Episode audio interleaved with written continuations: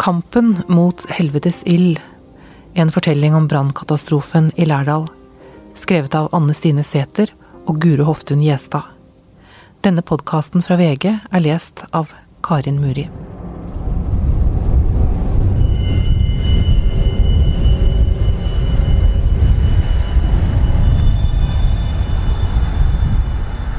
Det er som om Satan selv blåser i peispusteren. I sterke gufs feier stormen ned fra fjellet og inn i Lærdal. Den intense blåsten har stått på i tre måneder og får søppelspann til å fly gjennom gatene.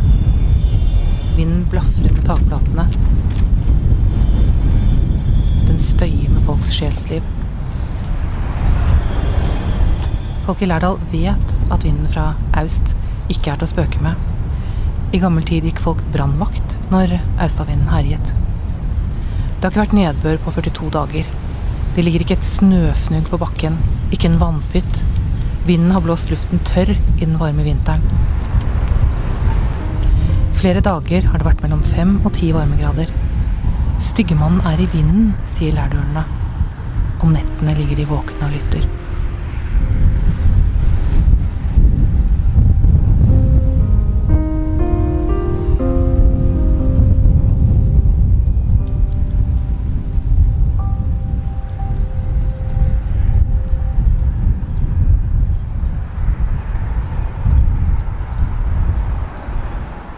Lærdal går snart inn i den siste timen av det som har vært en helt vanlig lørdag 18.1.2014.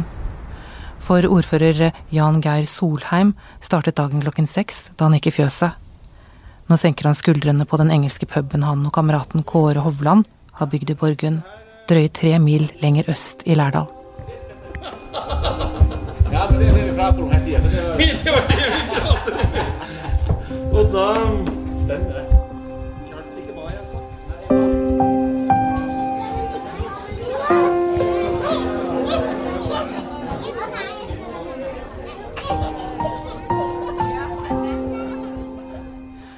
Barna i kommunen har lagt seg. Noen har begynt å gjøre seg klare for natten. Hjemmehjelpen har hatt runden sin i bygda.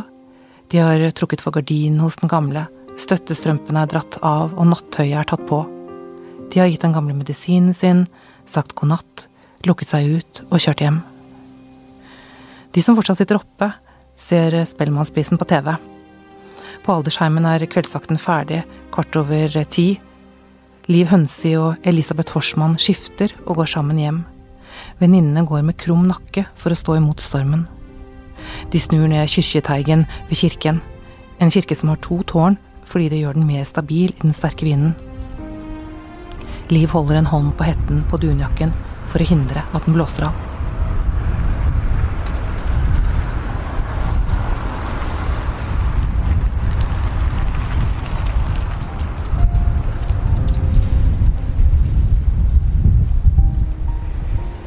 De skal opp igjen til morgenvakt klokken kvart over fem og avtaler å gå sammen til jobb.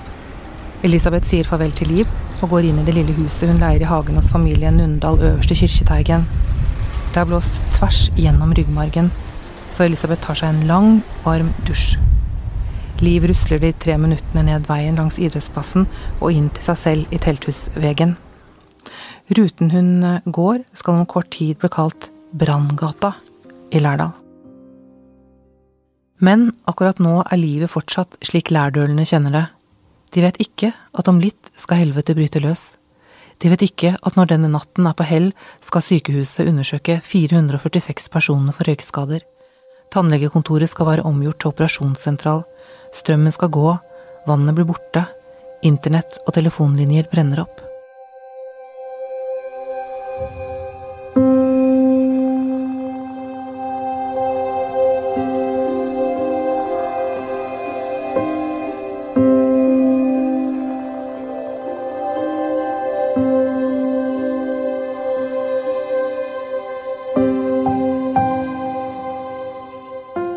en helt rolig kveld, og ingen vet heller at i løpet av natten skal 42 bygninger brenne til grunnen, av disse 17 bolighus.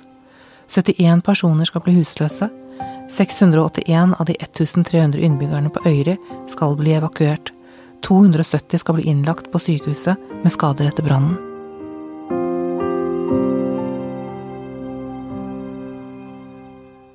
Liv Hønsi låser seg inn hos seg selv. Og tiden det tar for en voksen dame å skifte til joggebukse, er tiden det tar for en gnist til å bli til en flamme, og en flamme til å bli til en ild, og en ild til å bli til en brann. Hun forstår ikke hvorfor Elisabeth ringer henne nå, bare 10-15 minutter etter at de skilte lag øverst i Kyrkjeteigen. Da gret hun i telefonen og ropte 'du må komme, Liv, det brenner', sa hun. Elisabeth hadde gått ut av dusjen og oppdaget det røde, rare lyset ute. Hun hadde tatt på seg en bukse, en T-skjorte og kippesko. Nå løper hun ut, med vått hår, i T-skjorten, og hun kommer aldri inn i huset sitt igjen. Hennes liv, identitet, alt forsvinner på noen minutter. Men det var eh, forferdelig å se på hvor fort de husene brant. Altså. Ildkuler som for oppover himmelen og landa opp i skogen og på hus og i hekker, og det flamma opp alle veier. Det var så skremmende at det, det var skrekkfilm, rett og slett.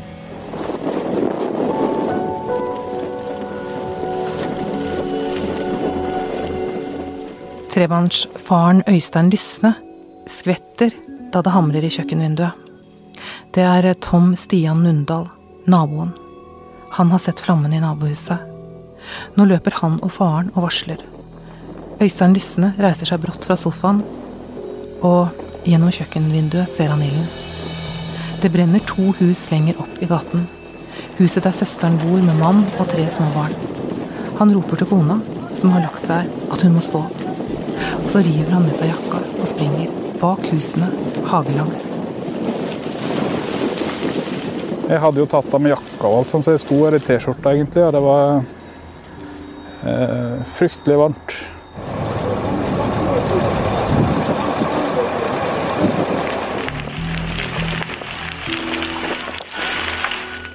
Ingeborg Hunderi har nettopp hatt hjemmehjelpen innom. Nå reiser hun seg opp av stolen, støtter seg til rullatoren og vil hente seg et saftglass før det blir klart hvem som vinner hedersprisen på Spellemannshowet.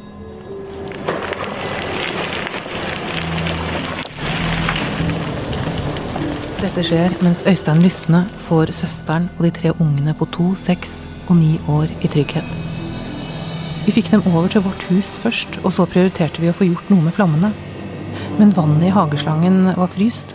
Kona mi kom løpende med brannslukkingsapparat. Vi fylte bøtter med vann i huset vårt og sprang for å slukke.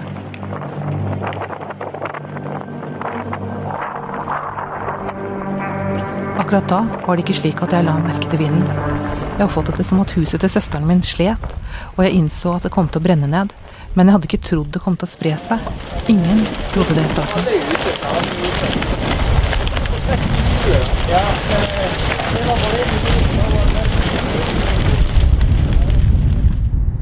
Ingeborg Hunderi er på vei tilbake til TV-stolen med rullatoren. Hun er midt på gulvet med saftglasset da hun hører at noen river i utgangsdøren. Det er barnebarnet Mari. Besta, du må komme, husa våre brenner, du må komme deg ut, roper hun. Hva er det du sier, sier Ingeborg. Dra for gardinene, så ser du, sier Mari. Ingeborg har bare tøfler på da hun går ut av huset sitt. Hun stopper et lite øyeblikk der på trammen. Og, og tenkte jeg hva, hva dette her er slags som skjer. Er det dommedag som kommer, eller hva er det? Ved alarmsentralen i Florø går alarmen raskt videre.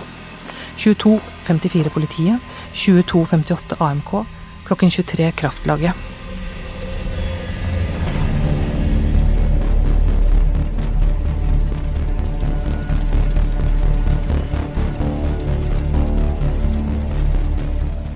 Kjell Inge Sanden løper rett i bilen når alarmen går. Han er utrykningsleder i Lærdal brannvesen og kjører de 600-700 meterne ned til brannstasjonen der frivillige brannmenn strømmer til. Syv mann går i uniformen omtrent samtidig. Det tar syv minutter fra brannen varsles til de første mannskapene når Kyrkjeteigen. Et hus er allerede overtent. De går løs på Nundalhuset som ligger nærmest og spyler det ned. Vinden øker. Kastes i noen sekunder 180 grader rundt.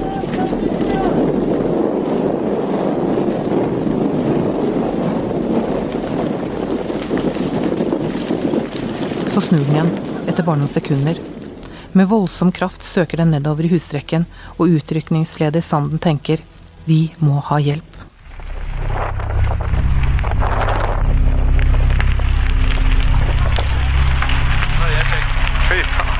Det er mye mer enn syv mann fra Lærdal brannvesen kan klare alene. Nesten umiddelbart piper det i søkerne i nabokommunene. Årdal brannvesen rykker først. Aurland er i bilene noen minutter senere. Det er bare et halvt år siden de selv kjempet med brann i Gudvangtunnelen. Elleve minutter etter at Tom Stian Nundal, 22-åringen, varslet brann, tar flammene fatt i barndomshjemmet der han for litt siden sto og ryddet i flyttelasset han nettopp hadde tatt med seg hjem fra Bergen. Nå står han utenfor og ringer alle han kjenner. Alle må hjelpe. Fikk med meg fattern og sprang ut og skjønte at dette må varsles med en gang. Og eh, etter jeg fikk varsla, så prøvde vi Gjorde et forsøk på slukking, men det, det, det, var ikke, det var ikke tema. For det var, vinden kom mot oss og bare flammet rett i ansiktet.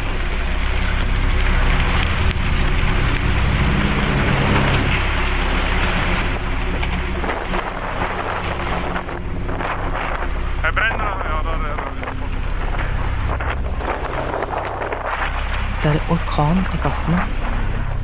Det farer en ildstorm gjennom bygda. Gnistene, som er på størrelse med golfballer, sprer seg i vill fart. Som en enorm flammekaster skyter vinden ut ild som slår ned i en hekk og starter en brann. Et annet pluss lander på en plen og starter nok en brann. Plank og takplater har tatt fyr, og som brannfakler flyr de gjennom luften og lander på takene, i fjellsidene, langs gjerdene og på gresset rett bak et av Norges mest verdifulle bygningsmiljø, gamle Lærdalsøyri, med 170 bygninger i et vernet trehusmiljø fra 1700- og 1800-tallet. Her er vi for skøytebanen i fremre ende av skøytebanen. Og der eh, ser han omfanget oppe til fjellsiden.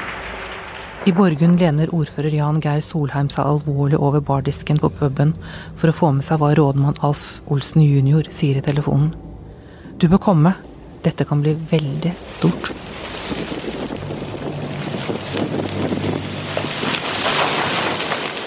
Rådmannen og kona Inger Kari Selås bor i et vernet trehus fra 1920, et par kvartaler fra Kirketeigen.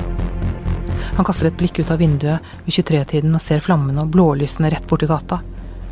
Varslingen av kommunens kriseledelse starter med en gang. Teknisk sjef og helsesjef er allerede informert. Olsen har vært borte ved de brennende husene og selv sett hvordan ilden tar for seg nedover husrekka. Han løper hjem, og sammen fyller Alf og Inger Kari bøtter og spann med vann og dynker plen og gjerder. Tre minutter over halv tolv forteller han ordføreren at det er krise i sentrum. Det brenner kraftig i flere bolighus. Det blåser voldsomt.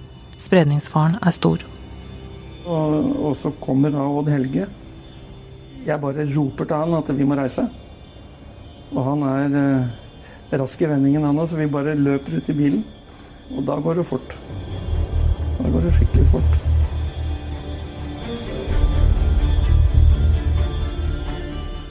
Jan Geir Solheim farer nedover dalen med journalisten og vennen Odd Helge Brugran som sjåfør. Det går altfor fort på slettene ned mot sentrum.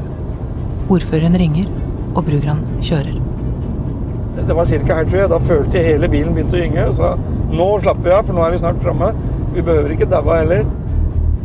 I gatene på Øyri har to lensmannsbetjenter som bor der, forstått hva som er på gang. De har begge helgefri, men nå kjører de opp og ned i gatene med blålys og sirener på. Folk må ut av husene. Ingen er trygge i sentrumshusene nå. Klokken er halv tolv på lørdagskvelden, og mange er våkne. Men i noen hus ligger det folk og sover. Nå er det livsfarlig. De må ut. Det er ikke enkelt. Her er det jo sekunder som teller hele veien. Og da så vi det. Nå. Akkurat nå. Å, fy faen, sa vi da. Ja, da begynte det med en enorm banning og hele fjellet her står i halve fjellet står. Å, fy faen er det eneste Jan Geir Solheim og Odd Helge Brugran finner på å si til hverandre idet de runder svingen inn mot sentrum. Solheim trodde han hadde opplevd sin største oppgave som ordfører da stormen Dagmar herjet to år tidligere. Men nå ser han rett inn i en katastrofe.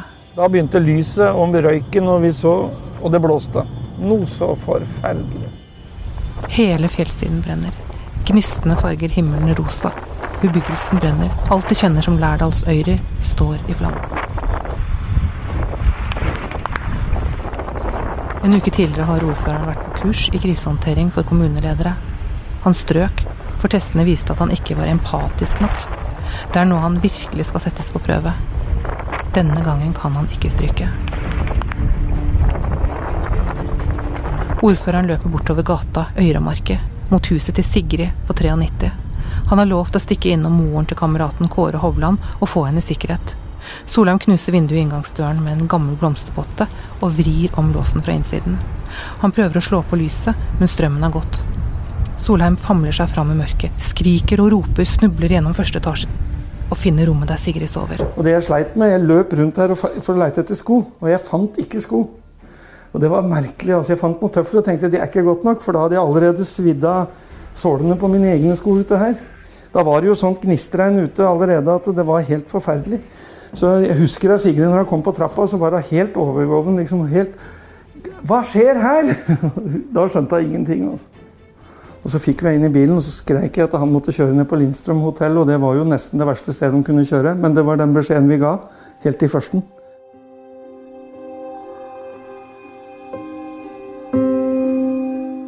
Det er gått litt over en time siden brannen ble varslet. Anne Grete Preus har vunnet hedersprisen, og de andre spellemennene feirer etter showet i Stavanger konserthus. Nå har brannen tatt strømmen. Lyset har gått. Fryser er stoppet. TV-en er blitt svart. Nå blir varmeovnene kalde. Gnistene nærmer seg Sigrid, og de andre evakuerte på Lindstrøm hotell nede i vernesonen. Hotellet er mørklagt. Snart er det også kaldt.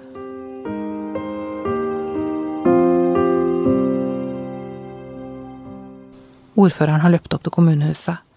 Han er alene der inne i mørket, finner ikke engang fyrstikker. Han trekker en perm ut av bokhyllen. Plan for kriseleiing for Lærdal kommune. Planen ble oppdatert 19. desember.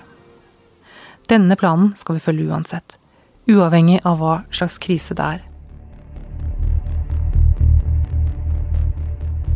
I den situasjonen jeg var, så er jeg ikke sånn som begynner å bla på side eller gå på kapittel 8 og se på brannvern for Lærdal kommune, og så begynne å lese. Det er ikke typen til det.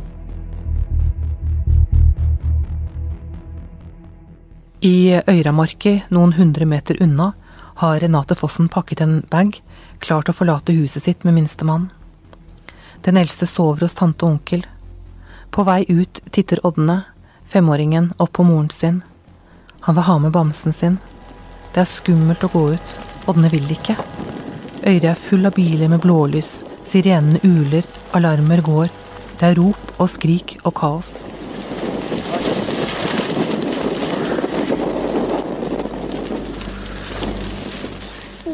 Min mamma måtte løpe så fort jeg kunne. Springe så fort du kan? Ja. Så fort jeg rant ut til Stine.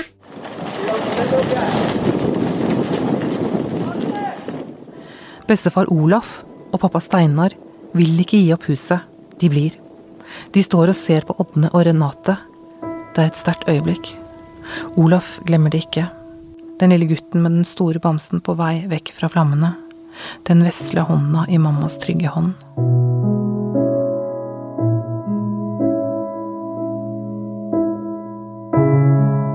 Du, du glemmer aldri det synet. Det er inferno og den lyden som følger med.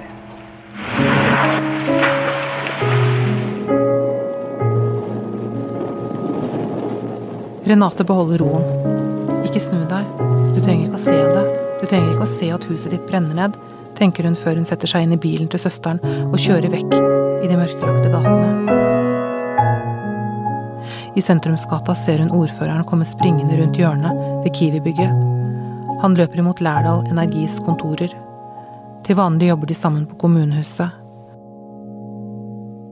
Nå stopper hun ham. Hun sier ikke mye, men gir ham en god klem. Så løper jeg videre ned til Lærdal Energi, og der er det én mann som har kommet allerede, så jeg blir låst inn. Allerede da er telefonen min tom for strøm, og jeg må ha lading. Og, og setter den på lading, og da blir jeg litt stuck. Jeg må sitte i et rom med strøm der nede også, for å kunne ringe og ta imot noen beskjeder. Nå skjer ting raskt. Sivilforsvaret strømmer til fra hele Sogn og Hallingdal. Røde Kors mobiliserer. På Jøsne tennes bakerovnen i butikken. Mannskapene vil trenger brød.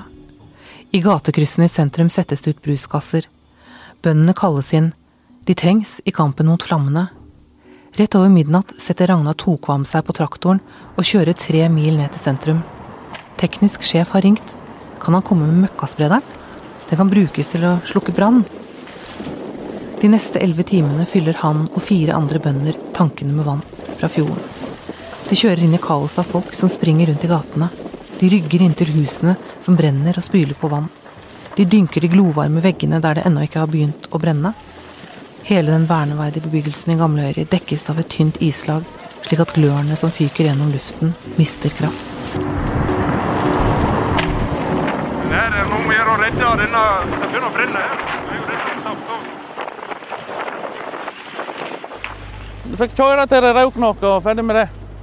Det var ikke noe Men det verste var jo folk som sprang, så du måtte jo være på hugget litt og følge med at ikke kjørte på folk. På Lærdal Energi, som ligger i utkanten av Lærdalsøyri, strømmer det til folk. Lederen Per Gullaksen er på vei fra Sogndal. Han er bekymret for kloakkpumpene. Lærdal tåler ikke mange timer med strømstans før kloakken vil slå opp i folks kjellere. I en krok sitter ordføreren og ringer intenst med mobilen plugget til lading i nødstrømmen. På Borgund kraftverk, der Østfold Energi produserer strømmen som sendes ned til Lærdal i to kraftgater, diskuterer fire-fem mann hvordan de kan lure strømmen unna brannen og sørge for forsyning på sykehuset og sykeheimen.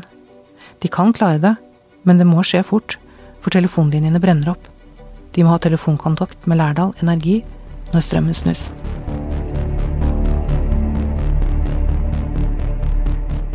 Tre mann kjører raskt de to milene ned til Jøsne kraftverk. To brytere vris om, én ute og én inne. Strømmen styres over på kraftlinjen som er uberørt av brannen. Sekunder etter dør mobilen. Klokken er åtte minutter over to på natten, og brannen har satt alle telefoner og internett ut av drift.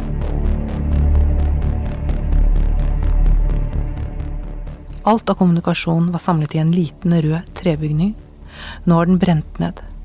Lærdal uten kontakt med resten av verden. Ingen får tak i noen inni de 40 tunnelene som har sin forbindelse via den lille Telenor-stasjonen som ligger midt i brannområdet.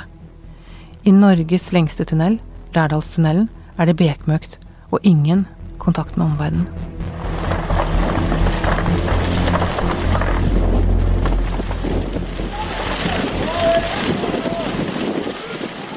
På Øyre er det nå bare flammene som lyser opp. Men øst i sentrum, der sykeheimen og sykehuset ligger, er strømmen tilbake.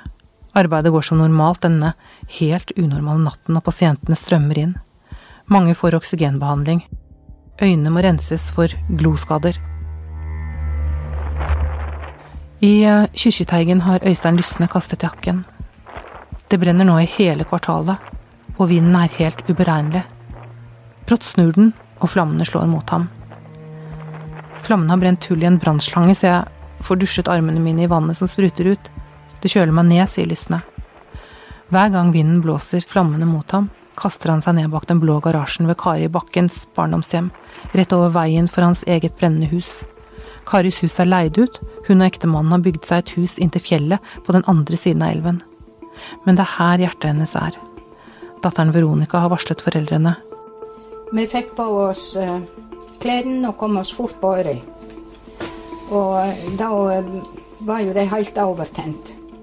Nå løper Kari, mannen Oddvar og Veronica mellom husene og gjør det de kan for å stanse flammene. Det første jeg gjorde, det var å springe opp i annen etasje på huset mitt for å finne noen bøtter eh, som vi kunne ha vann i, for det fantes ingenting ute. Hageslangen er fryst.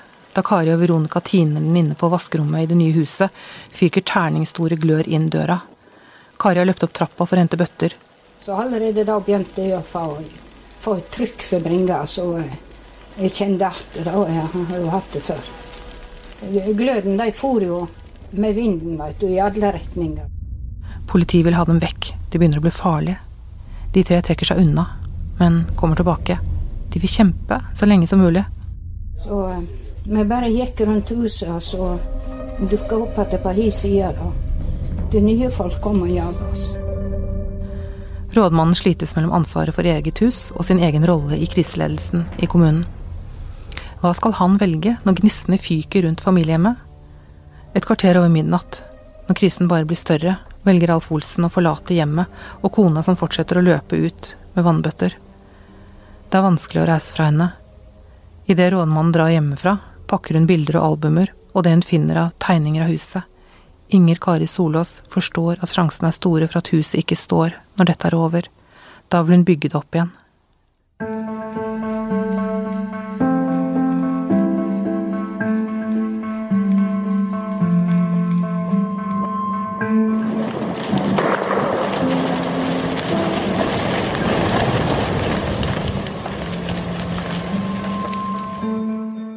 Øystein Lysne ser at huset til søsteren kollapser.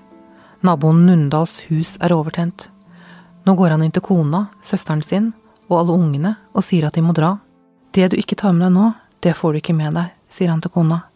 De pakker noen barneklær i et par Ikea-poser, løfter de tre ungene på to, fire og fem år ut av sengene sine og skynder seg ut av området. De løper ut av gnistregnet og møter lege Frode Myklebust. Alle, bortsett fra Øystein, kryper sammen i legens lille Golf. Inkludert legen er de ti personer som kjører ut av brannområdet og hjem til legens hus. Øystein Lysne springer tilbake til husene som brenner, og trekker de tunge brannslangene mot sitt eget hjem. Alt de eier og har, er i dette huset og lagret i garasjen.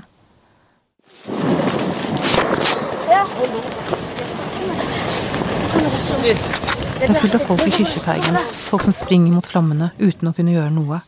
Øystein forsøker å få noen til å hjelpe seg. Han vil dynke huset i vann, hindre at flammene får tak. Men det er ikke mannskap nok. Det er ikke slanger nok. Det er ikke vann nok. Da følte jeg meg alene et lite øyeblikk. Da huset mitt tok fyr, skjønte jeg at dette kunne jeg rett og slett ikke få gjort noe med, sier Lysne. Han har opplevd det før, at kroppen har en evne til å fokusere riktig når det trengs. Nå er hans eget hjem tapt. Alt han eier og har, er tatt av flammene.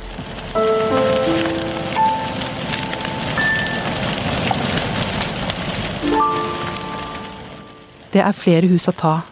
Flammene slikker opp etter Kjell Hillers nyrestaurerte hus. Til slutt så brant alt der. Da, da, eh, da sto jeg borti svingen der borte, for det var jo ikke mer å gjøre her sånn sett. Og Brannvesenet var jo på plass der. De, de, prøvde jo så godt de kunne å berge, berge så mye de kunne. og Huset mitt ble vel kanskje et hus som de, de satte seg ut som et mål, at der skulle de stoppe brannen. Som et mirakel hopper ilden over huset, tar fatt i det neste og fortsetter inn sidegaten Bergo. Vinden er svart. Vinden er oransje. Vinden er brann. Vinden og brannen jager folk ut av hus og heim, ned gatene, bort fra herjingene.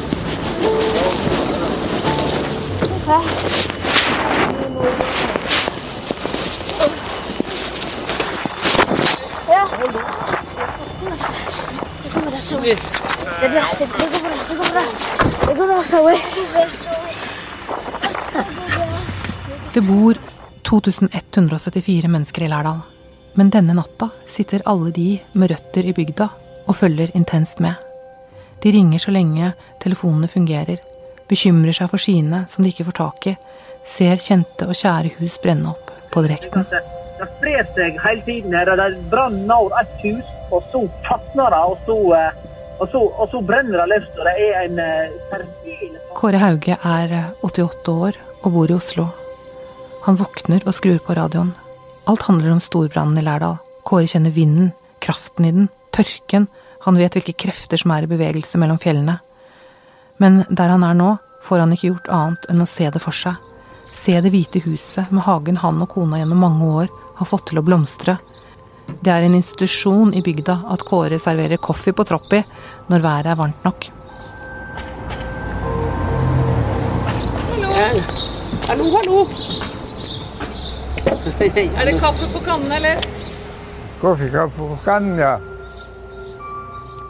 Klokken åtte minutter over halv ett på natten våkner fylkesberedskapssjefen i Sogn og Fjordane, Håvard Stensvann, av mobiltelefonen. Før han la seg, så Stensvann nyhetssendingene om brannen. Beskrivelsene han nå får fra rådmannen og teknisk sjef, er illevarslende. Det er ikke kontroll, det brenner voldsomt, det er helt jævlig. Stensvann ringer ordfører Jan Geir Solheim og spør om han har folk nok. Jeg føler meg mukk alene, svarer ordføreren. Fylkesberedskapssjefen skjønner alvoret. Han ringer operasjonssentralen i Florø. Der er de allerede i gang. Lederne i Lærdals nærmeste nabokommune vekkes. Rådmenn og ordfører setter seg i bilene og kjører mot tunnelene. De på den andre siden av fjellet trenger hjelp. På brannstasjonene på Vestlandet og i Hallingdal strømmer brannmenn til. De drar på seg uniformene. Nå skal de ut i noe de aldri har sett maken til.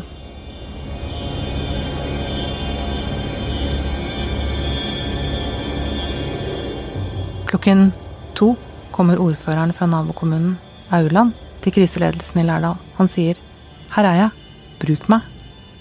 Det er et fabelaktig land vi bor i. Jeg opplevde at når katastrofen inntreffer, får vi hjelp. Noen trykket på den store knappen. Da det brant i Lærdal, var det nok ressurser. Problemet var å styre dem, forteller ordføreren.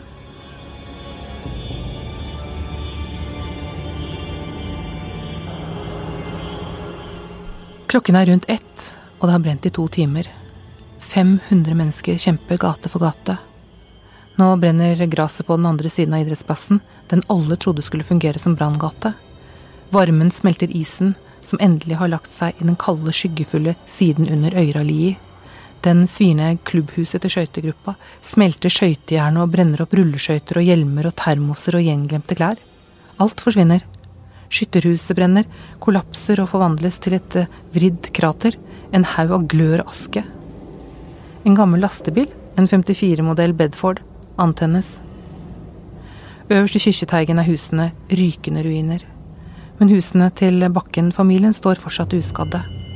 Men Kari Bakken, mannen Oddvar og datteren Veronica innser at de må gi seg. Det er for farlig å kjempe lenger. Politiet vil ha dem vekk. Ved sjukeheimen stopper de og puster ut. Først nå har Kari tid til å kjenne etter. Presset i brystet. Det er bare blitt verre.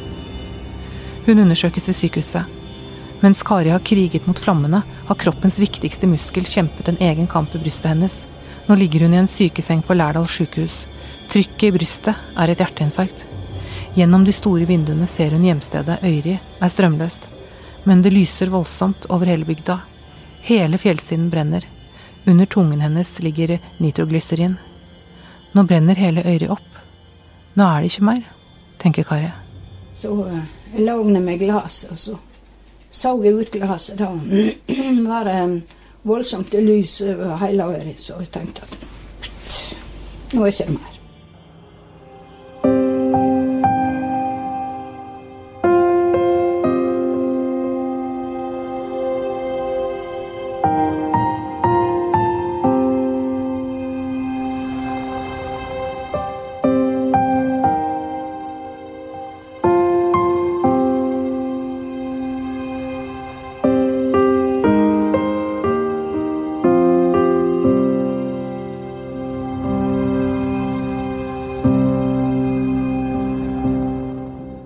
Odd Helge Brugran er forbannet. Han skriker mot ilden.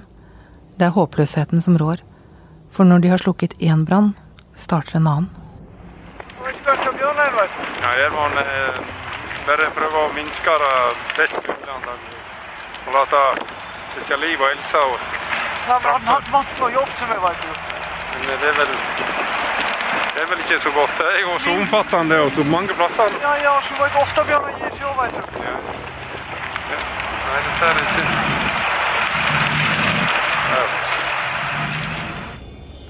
Lærdølene kjempet for det kjæreste vi har denne natten. Det er ikke bare gamle hus, det er vår identitet, sier han. I området Gjerde, som grenser mot det verneverdige Gamle Øyri, klatrer han opp i en morken stige. Sannsynligheten for at han eh, kan falle ned, er stor. Men det betyr ingenting akkurat nå. Han må slukke branntilløpet på et gammelt tak. Brannen skal ikke spre seg til de eldste husene. Jeg fikk med meg broren min og dro ned til gresset bak gamle Lærdalsøyri. Jeg trampet og slo i ilden som spredde seg. I mangel på noe å slukke med, pissa jeg på flammene. Jeg tenkte at alt er bedre enn ingenting. Du må pissa, ropte jeg til broren min. Jeg må ikke pissa, sa han. Du må! Så jeg husker jeg fikk pusteproblemer. Og etter hvert så broren min spytta blod til slutt. Han, eh, han måtte opp igjen. Vi ender jo på sykehuset alle mann til slutt. Ildtungene står nå 15-20 meter vannrett ut av brennende husvegger. Vinden forandrer retning hele tiden. Nå står Gnistinferno rett mot huset som Renate Fossen og sønnen Ådne med bamsen evakuerte fra. Mannen hennes, Steinar Bjøkkum, og faren hennes, Olaf Fossen, springer rundt og slår ned småbranner. Flammene er aggressive. De prøver seg på plattingen, i vedstabelen, i gresset. Steinar og Olaf slukker det de kan med river og det lille vannet de har. Flere ganger kommer politiet og ber dem forlate området, men Olaf og Steinar nekter. Forlater de huset nå, vil det brenne ned. Da vil det åpnes en ny branngate, da vil resten av bygda brenne ned. Men politiet står på sitt. De to karene skal ut av brannområdet. Det er for farlig for dem å være der. Olaf og Steinar gjemmer seg i snekkerboden. Så løper de ut og slukker flammer så fort politiet er ute av syne. Glørne raser ned fra taket som snøskred. Det var en feilvurdering av politiet å evakuere to voksne mannfolk med pulverapparat som slukte småbranner i et slikt tilfelle. Det var ikke slik at du lekte katt og mus med politiet eller noen annen, for dette det var bare en nødvendighet. Han glemmer ikke synet av brannen og den lyden som fulgte med. Det høres ut som tordenvær på lang avstand. Når termopanrutene eksploderte, ble det nesten som lyden av skudd.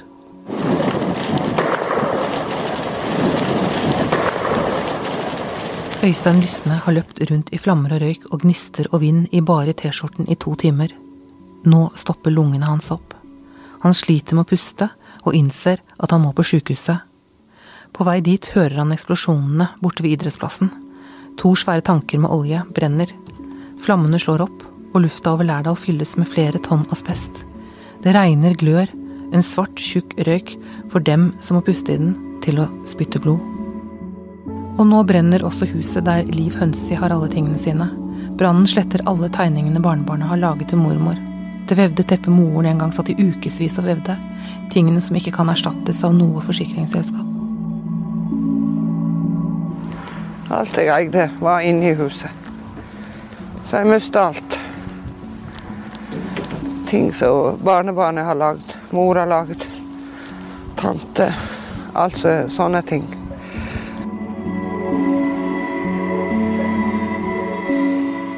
Det er mange mørke øyeblikk i denne natten for ordføreren. Dette er et av de mørkeste. Han går inn dørene på kroa på Håbakken. Lokalet er fullt av evakuerte folk. Unger og bikkjer og katter ligger og sover. Han kjenner de fleste. Alle vender blikket mot han. Folk vil vite. Hvor brenner det? Hvilken gate? Hvilke hus? Hvem har mistet husene sine? Når kan vi komme hjem igjen? Alle de spørsmåla lå i lufta. Ingen sa noe. Det var helt stille i rommet, alle sine ansikt var vendt mot meg. Det var skikkelig tungt, altså. Da visste jeg ikke hva jeg skulle si. Eller gjøre. Jeg husker ikke helt hva jeg sa heller. Klokken ti på tre tar brannen tak i Synnøve Eres hus. Det er fredet og ligger som et broderi ved inngangen til Gamleøyri. Huset er bygd i 1840 i en pirestil og bærer på historier fra tiden da det ble brukt som bakeri, telegraf, pensjonat og kafé. I 2012 arvet 17 år gamle Leif Thomas Folkner huset etter faren. Ja, 18.1.2014 så brant det. Det er huset til han Tim Folkner. Og Gud veit om ikke det er annet enn borti hos Sørensen òg. Så det var selvfølgelig et stort sjokk. Det, det var det. Nå smaker flammene på det, slikker opp under mønene. Sotete, slitne mannskaper holder pusten. Står Sunniva Eri imot? Hun må det. De kan ikke miste henne. Da ryker også Gamlegata. Sunniva Eres hus er porten inn til Lærdals stolthet. En rekke nennsomt bevarte 200 år gamle trehus langs ei trang gate som fører ned til Sognefjorden. Husene har vært vernet siden 1930-tallet. Det er der turistene tar bildene sine, og gaten fylles opp av markeder både til jul og ved midtsommer. Brenner den, er alt tapt. Flammene angripes. De spyles ned, men tar ny sats og glefser tilbake med enda større kraft. Ilden biter i det knusktørre taket. Midt i den svarte januarnatten er brannen sterkest. Det eldgamle huset er fortapt.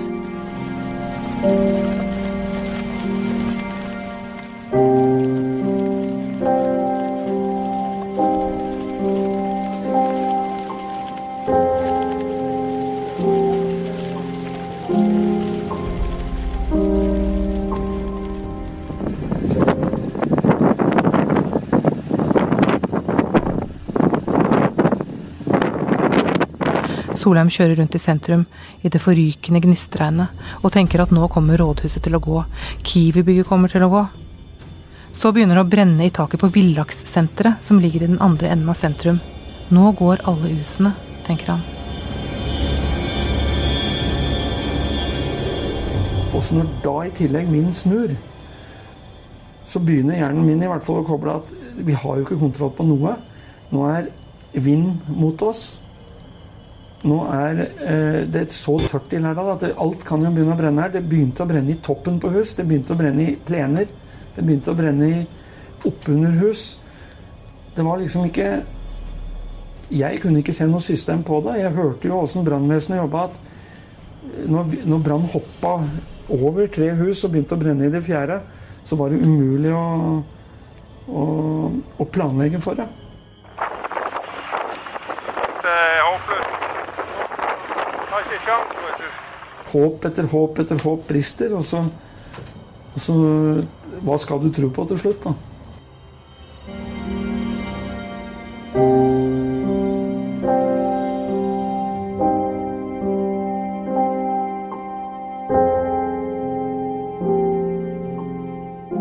Brannfolkene kjemper mot fem-seks forskjellige brannfronter. De har gitt opp Synnøva Eris hus, men nabohusene spyles ned. Det lille huset som ligger nærmest, er så rødglødende varmt at kvaen sprenger seg ut av treverket og gjennom malingen. Det renner nedover veggen. Men brannen får ikke tak. Veggen er for våt. Flere titalls nedbrente hus sprer ild og glør. Det smeller voldsomt når propanbeholdere eksploderer. Lastebildekk går i lufta. Innsatsleder Kjell Inge Sanden er ikke langt unna når svart, giftig røyk velter ut fra brennende industrilokaler. Lensmann Magne Knutsen beordrer brannmannen ut av tjeneste og inn i ambulansen. På sykehuset får han oksygenbehandling i et par timer og astmamedisinen Ventolin. Det skal gå to uker før lungene hans er kvitt restene av Lærdal-brannen. Ute i gatene griner rykende ruiner svarte og fæle på branntomtene. Piper står enslige igjen i askehaugen. Brannmann Rune Bolstad tar et par minutters hvil på trappen til Jansenhuset, et treetasjes, gammelt hvitt hus nederst i Øyramarket. Klokken er rundt fem, og han er sliten. En kort pust i bakken er helt nødvendig. Nå får han brått en påminnelse om at det langt fra er over. Plutselig står huset han hvilte ved, i full fyr. Det er et par minutter siden han satt på trappa. Trehuset kan raskt bli et livsfarlig bål med krefter å brenne opp resten av bygda. Så begynner å brenne, så brenner det sikkert liksom. Det er det jeg tenker på. Dette er, er felt, det er katastrofe. Dette er en stor tragedie. Brannmannskapene har nå samlet seg i sentrumsgata som skiller det brannrammede området fra det eldste verneområdet på Øyri. De forbereder det siste slaget.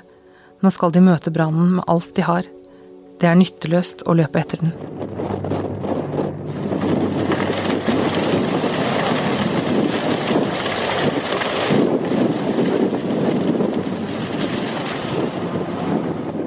Det er da de merker det.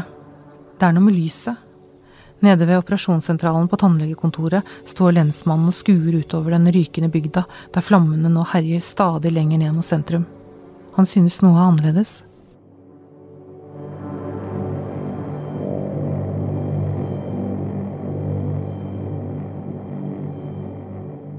Nå ble det mørkt i Lærdal, sier Magne Knutsen til folkene rundt seg. Brannsjef Gaute Jonsgaard ser seg rundt og merker det samme. Siden strømmen gikk ved midnatt, har flammene vært det eneste som har lyst opp bygda. Mørket betyr at flammene avtar. Vinden har roet seg. Gnistregnet er ikke så farlig og intenst. Flammene sluker Jansenhuset, men nå søker flammene rett oppover og ikke mot neste hus. Brannbilen fra Haukås flyplass i Sogndal er kommet. De store bygningene inn mot verneområdet skumlegges. Brannen flytter seg videre mot Lygrehuset, et av de eldste husene på Øyre.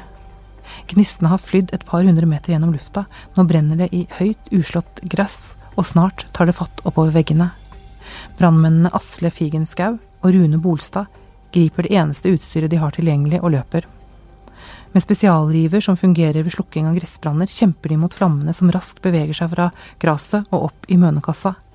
De to brannmennene slåss alene, og nå kan det verste skje.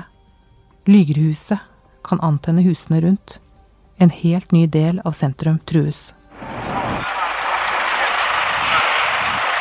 Bergen brannvesen er på plass med sitt utstyr. Vi står rett attmed huset Svein Magne Neberget og filmer inn mot uh, Kirkegata.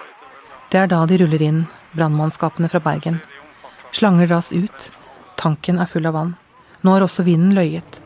Flammene som i seks-syv timer har herjet med sjanseløse lærduller og alle deres hjelpere, møter motstand de ikke får has på. Lygrehuset er tapt. Men flammene kommer seg ikke videre. Ilden prøver seg, men er uten kraften som til nå har gjort den ustoppelig. Et gammelt, lite uthus tett ved Hansenhuset er det siste ilden tar.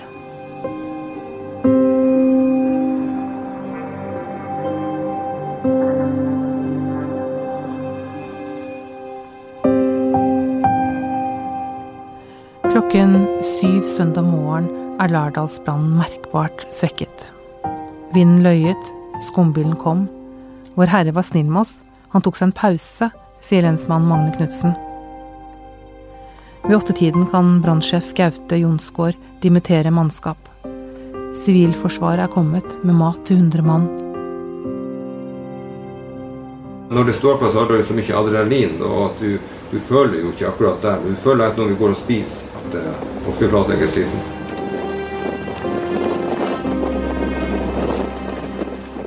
Norges største brannkatastrofe etter krigen er et faktum.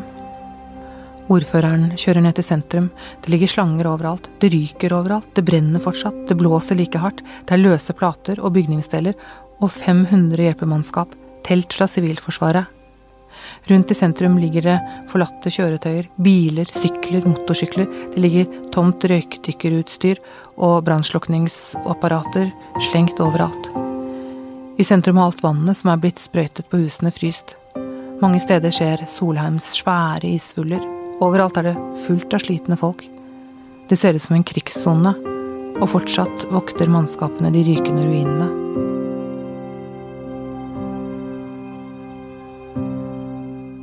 Brannmann Rune Bolstad har holdt på siden lørdag kveld klokken halv tolv. Søndag ettermiddag ramler han inn døren hjemme på Øyri. Huset er strømløst, men kona Torunn har fyrt på peisen. På gulvet, tett opp til peisvarmen, legger den iskalde, klissvåte og utslitte brannmannen seg. Han rister av kulde og sier nesten ikke et ord før han sovner.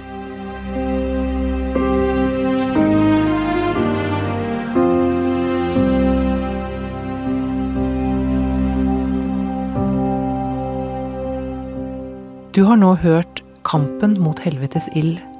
En fortelling om brannkatastrofen i Lærdal. Skrevet av Anne Stine Sæther og Guro Hoftun Gjestad.